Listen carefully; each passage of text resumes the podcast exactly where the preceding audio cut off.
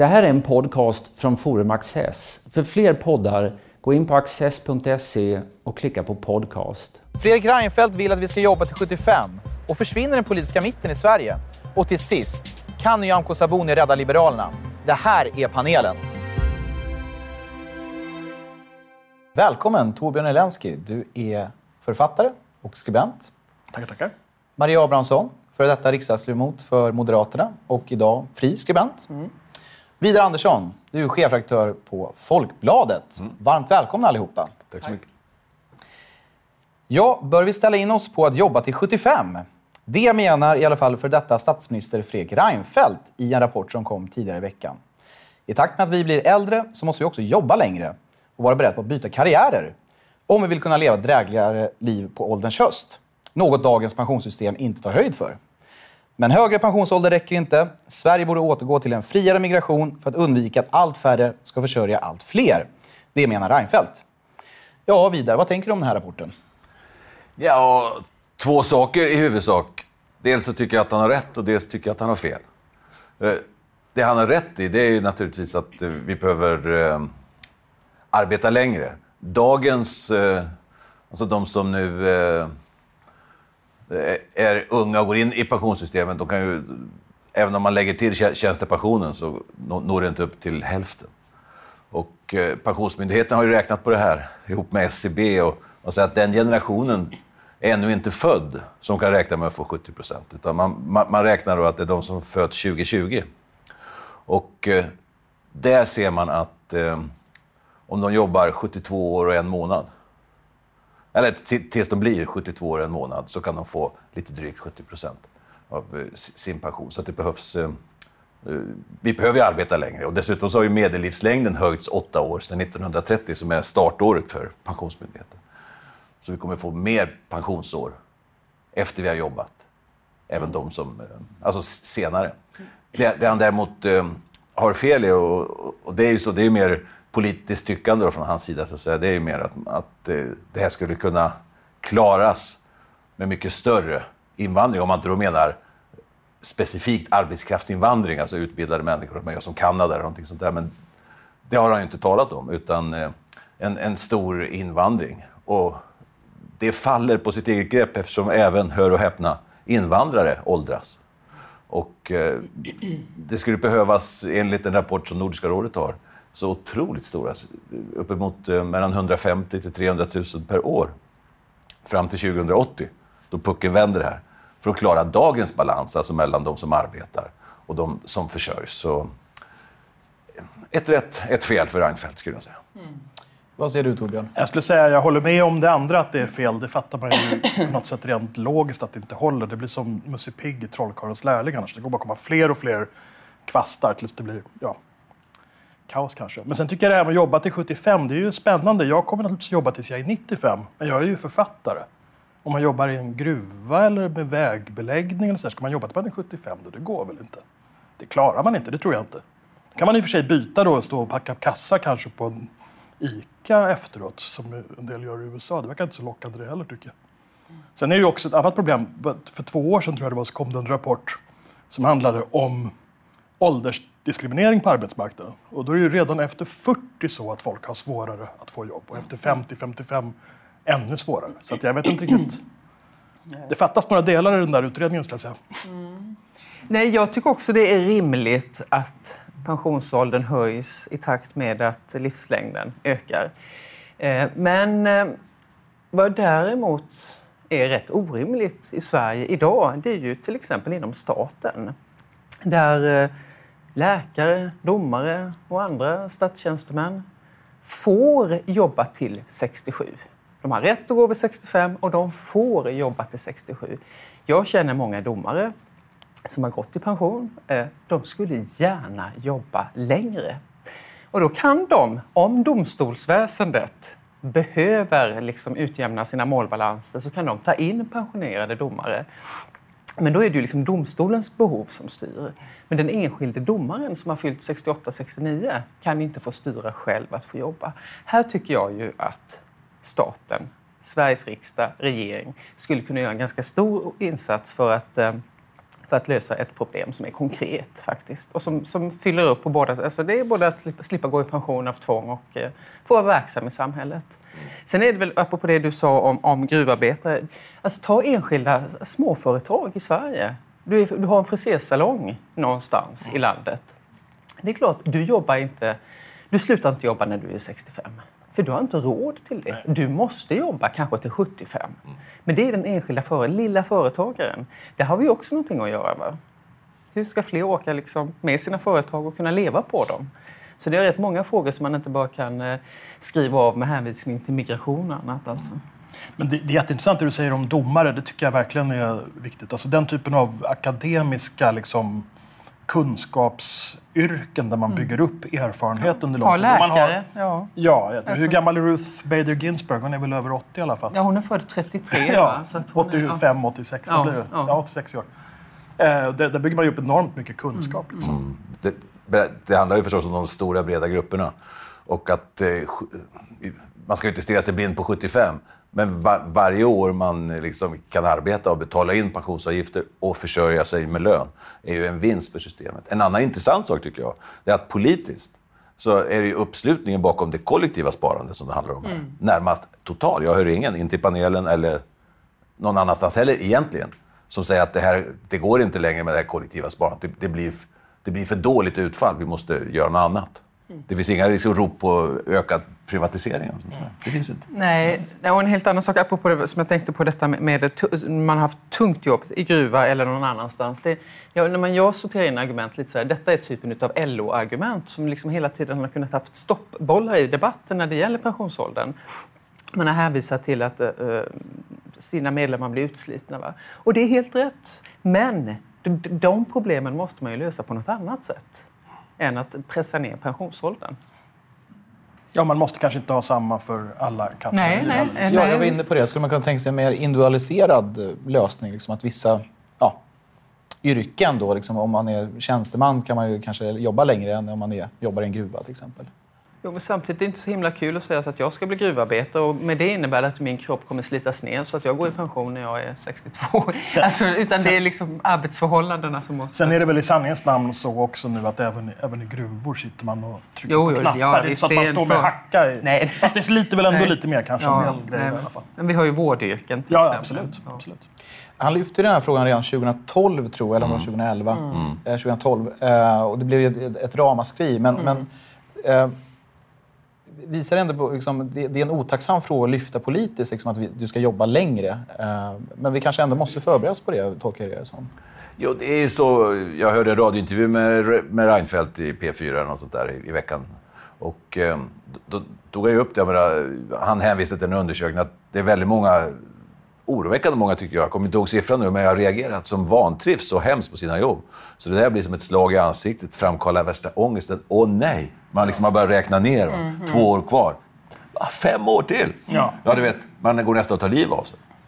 Så det är klart, det finns många saker att ta i här. Men trenden är ju den. Så. Vad jag förstår så ligger det i riksdagen, eller på väg upp i riksdagen nu, ett förslag att du ska få jobba tills du är 69. Att man tar de här stegen.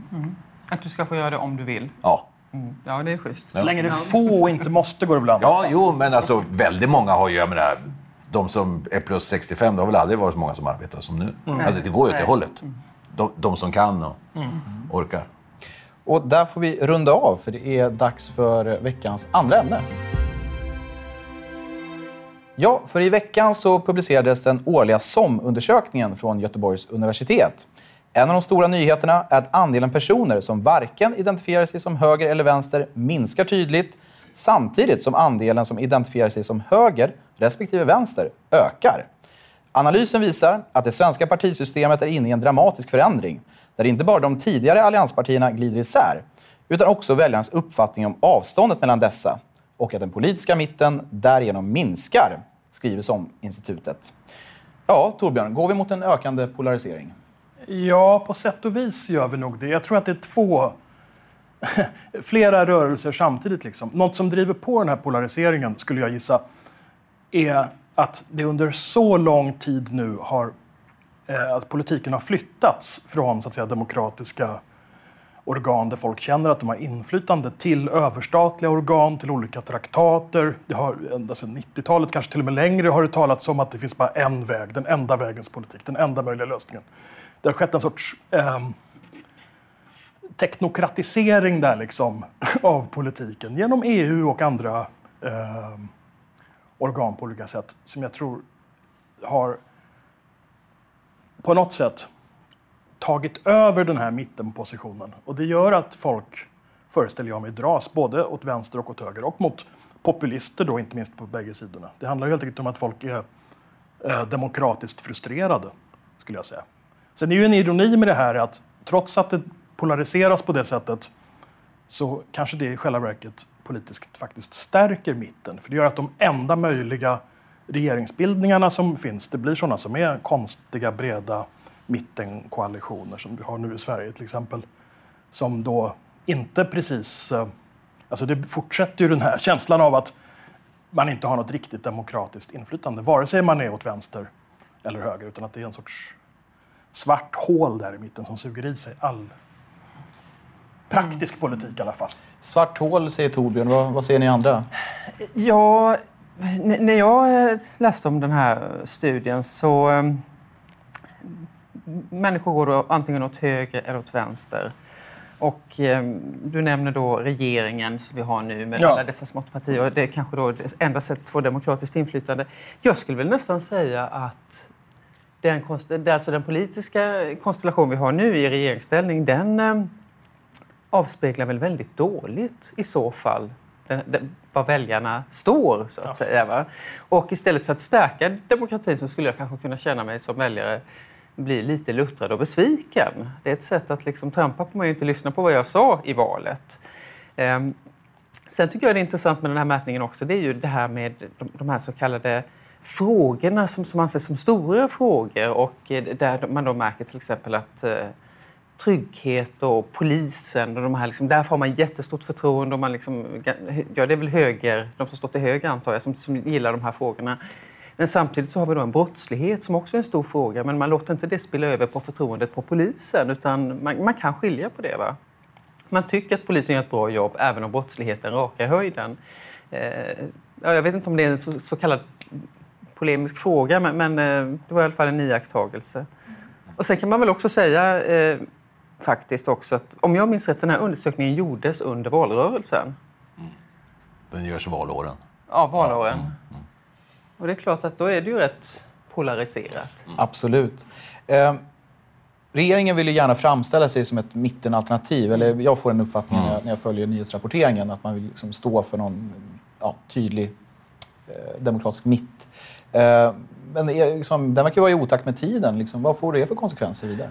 Ja, vad ska jag säga? Alltså, jag skulle nog hävda att mitten står sig väldigt stark i, i Sverige, liksom den alltid har gjort. Alltså, nu har vi ju en, under tre valår i rad, man kan säga sedan 2006 egentligen, så har det varit en högerlutande majoritet i riksdagen.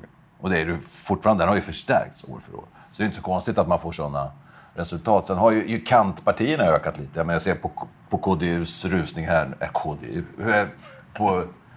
KDS. Eh, Före detta. Kristdemokraterna, ja visst. Och eh, eh, även Vänsterpartiet kan man säga och Centerpartiet förut och så vidare. Va? Att det, det finns ett utrymme för det där. Men tittar man på det som det ser ut, det tycker jag är väldigt intressant, så kan man säga att Moderaterna idag är ju oerhört mycket mer av ett- av ett mittenparti. Man har i vart fall två partier till höger om sig. Socialdemokraterna, samma sak. Man har två, kanske tre partier till vänster om sig.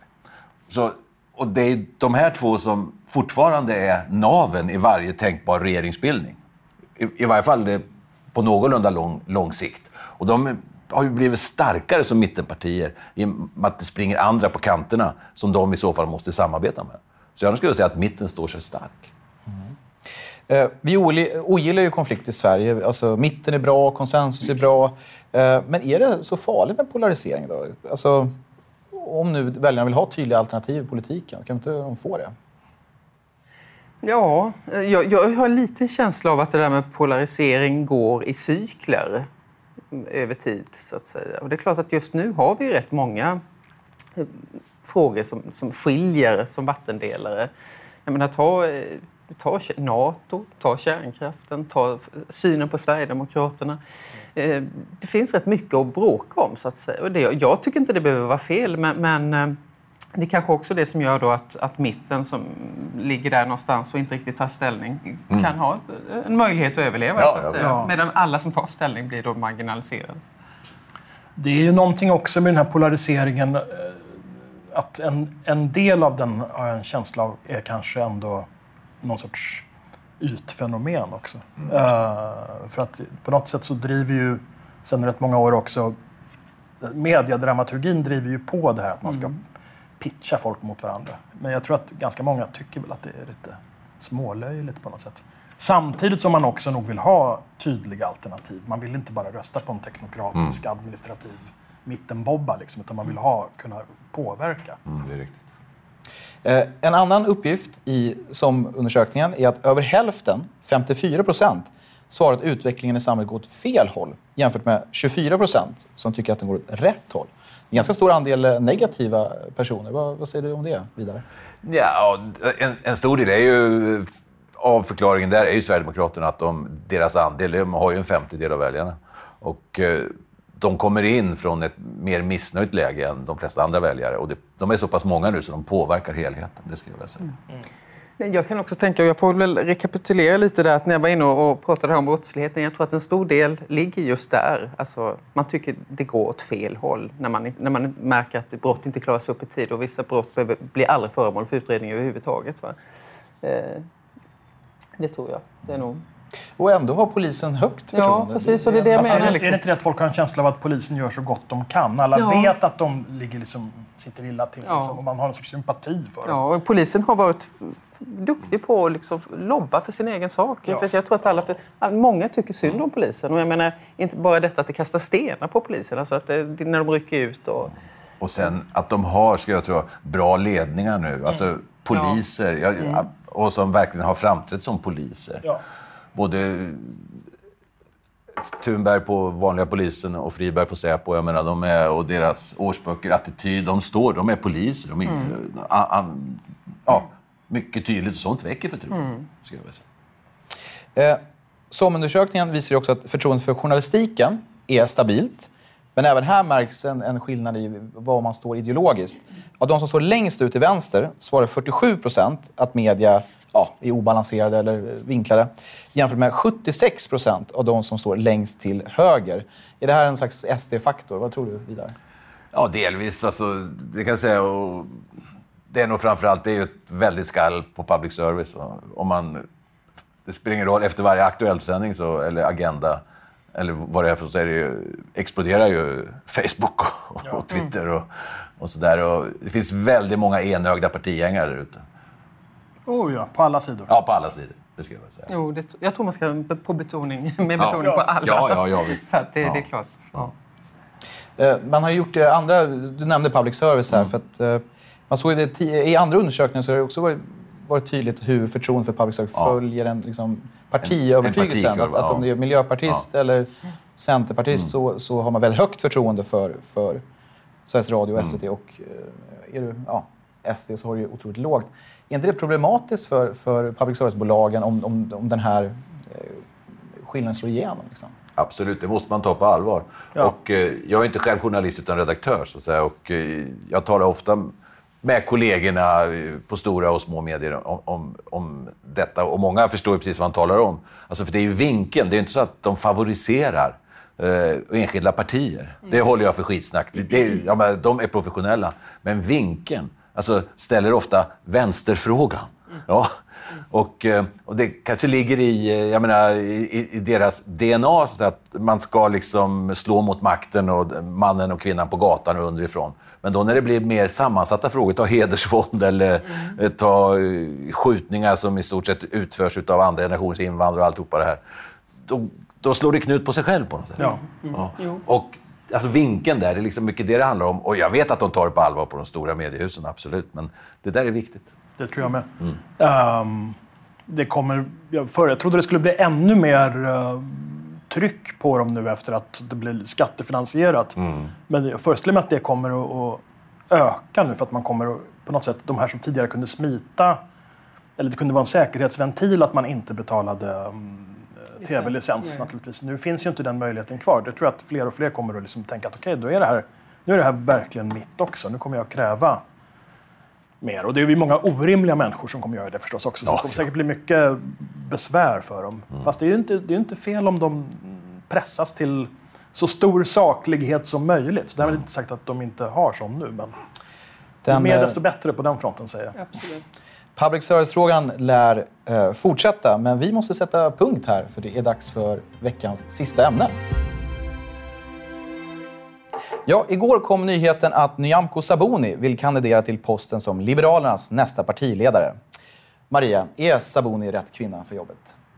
Ja, det tror jag faktiskt. Eh, nu vet vi inte vilka övriga som kommer kandidera, men eh, min uppfattning av det jag har hört av henne, eh, inte minst igår, då, det är att hon är väldigt sugen på att bli partiledare och att hon är en karismatisk person. Det vet vi ju sedan tidigare. Hon, hon har en agenda, hon har frågor hon vill se förverkligade och eh, jag tror att hon också ligger lätt i tid, rätt i tiden med den typen av problemlösningar hon vill se på, på samhällsproblem. Eh, Så att, eh, ja, jag tror hon är bra för, för Liberalerna. Och för Sverige. Ja.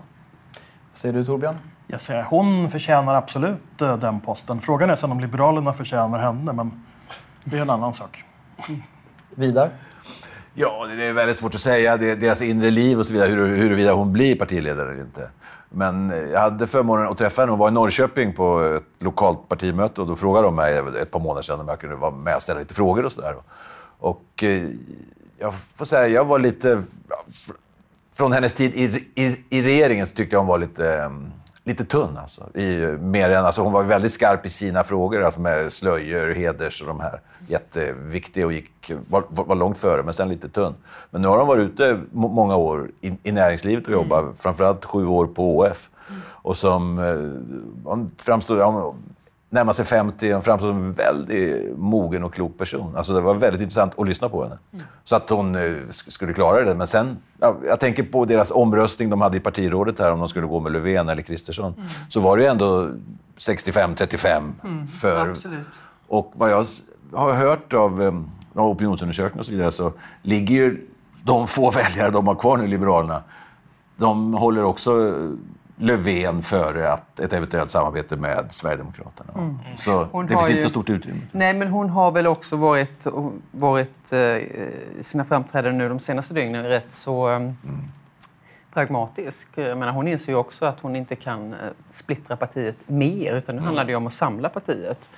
Och det finns väl tillräckligt många som minns vad hon själv har sagt i den här frågan och eh, hur hon har sett på synen att, att samtala med Sverigedemokraterna i riksdagen och sådana här saker. Så där behöver hon inte profilera sig särskilt mycket nu, utan nu handlar det om att lyfta fram de andra frågorna.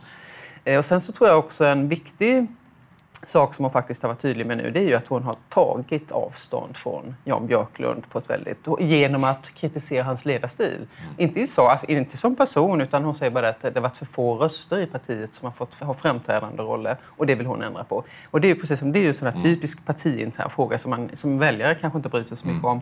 Men det är ju en signal till partiets medlemmar. Jag är en annan ledare. Ja, hon har ju sagt, du sa ju att, att eh, hon, hon ser inte att det, hon, hon menar att det inte är några problem att få stöd av SD om det leder till liberal politik i utskottsarbeten och sådär.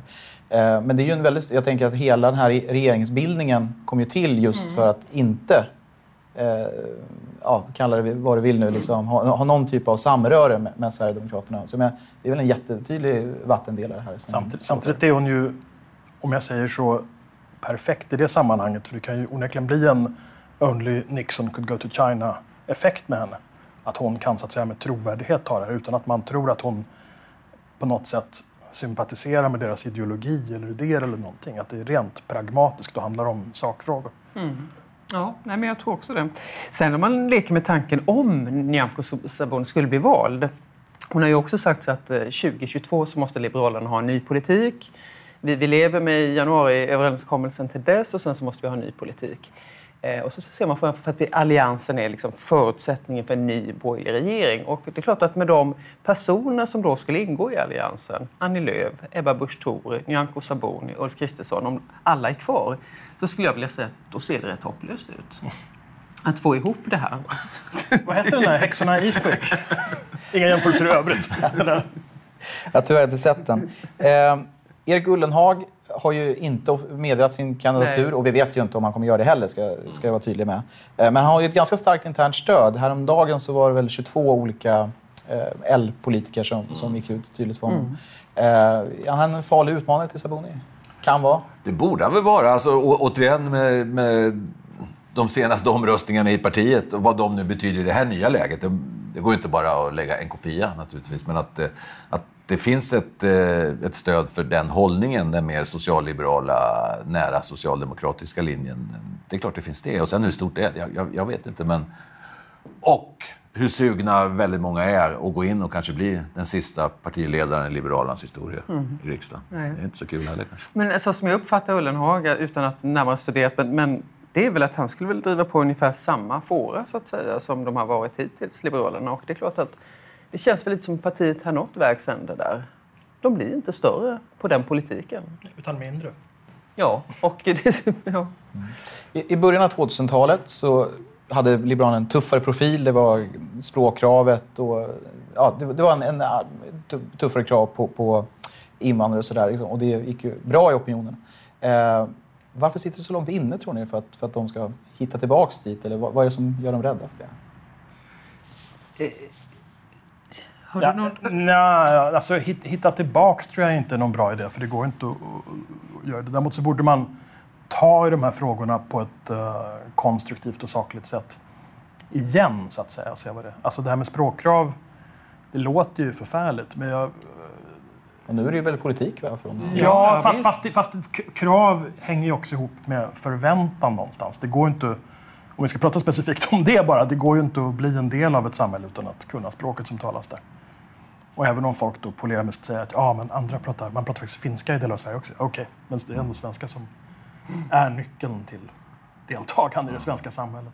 Nej, men du, du är inne på något viktigt där. Alltså Folkpartiet som de hette då, i början på 2000-talet. De hade ju det här och gjorde sina, eh, några av sina bästa valresultat faktiskt också. Och höll i, i, frågan. Så att säga. Men då, då var det också eh, massiv brunsmetning på dem. Men det var ju före Sverigedemokraterna var, var i närheten att komma in i riksdagen. Men ändå, hade de hållit i där, om inte Omar hade funnits där, då kunde det politiska landskapet ha sett väldigt annorlunda ut. Absolut, Ja, det tror jag en del av dem inser också. Ja, med ja, lite bitterhet kanske. Ja, Ja, ja, och det är ju där man jämför. Alltså, jag vet, Nyamko Sabuni har ju då lyft fram bland annat Mauricio Rojas som en eh, partikamrat som hon jobbade bra med i de här frågorna. Och eh, den personen, Mauricio, är nu då liksom överlockad till Moderats idégrupparbete. Så att jag menar, det är ju... Det är klart att det som hände då var kanske för tidigt, det är väl många som har sagt det, men, men nu finns det liksom jordmån för detta och det är väl det kanske Nyamko Sabuni kan ha nytta utav också. Jag ser fram emot en, en framtid här inom kort när Nalin Pekgul är S-ledare, Nyamko Sabuni L-ledare och Amineh Kakabaveh V-ledare. Det blir Då blir det- jättebra. Vi får se om dina drömmar eh, besannas Torbjörn. Stort tack för att ni har varit med och tack för att ni har tittat.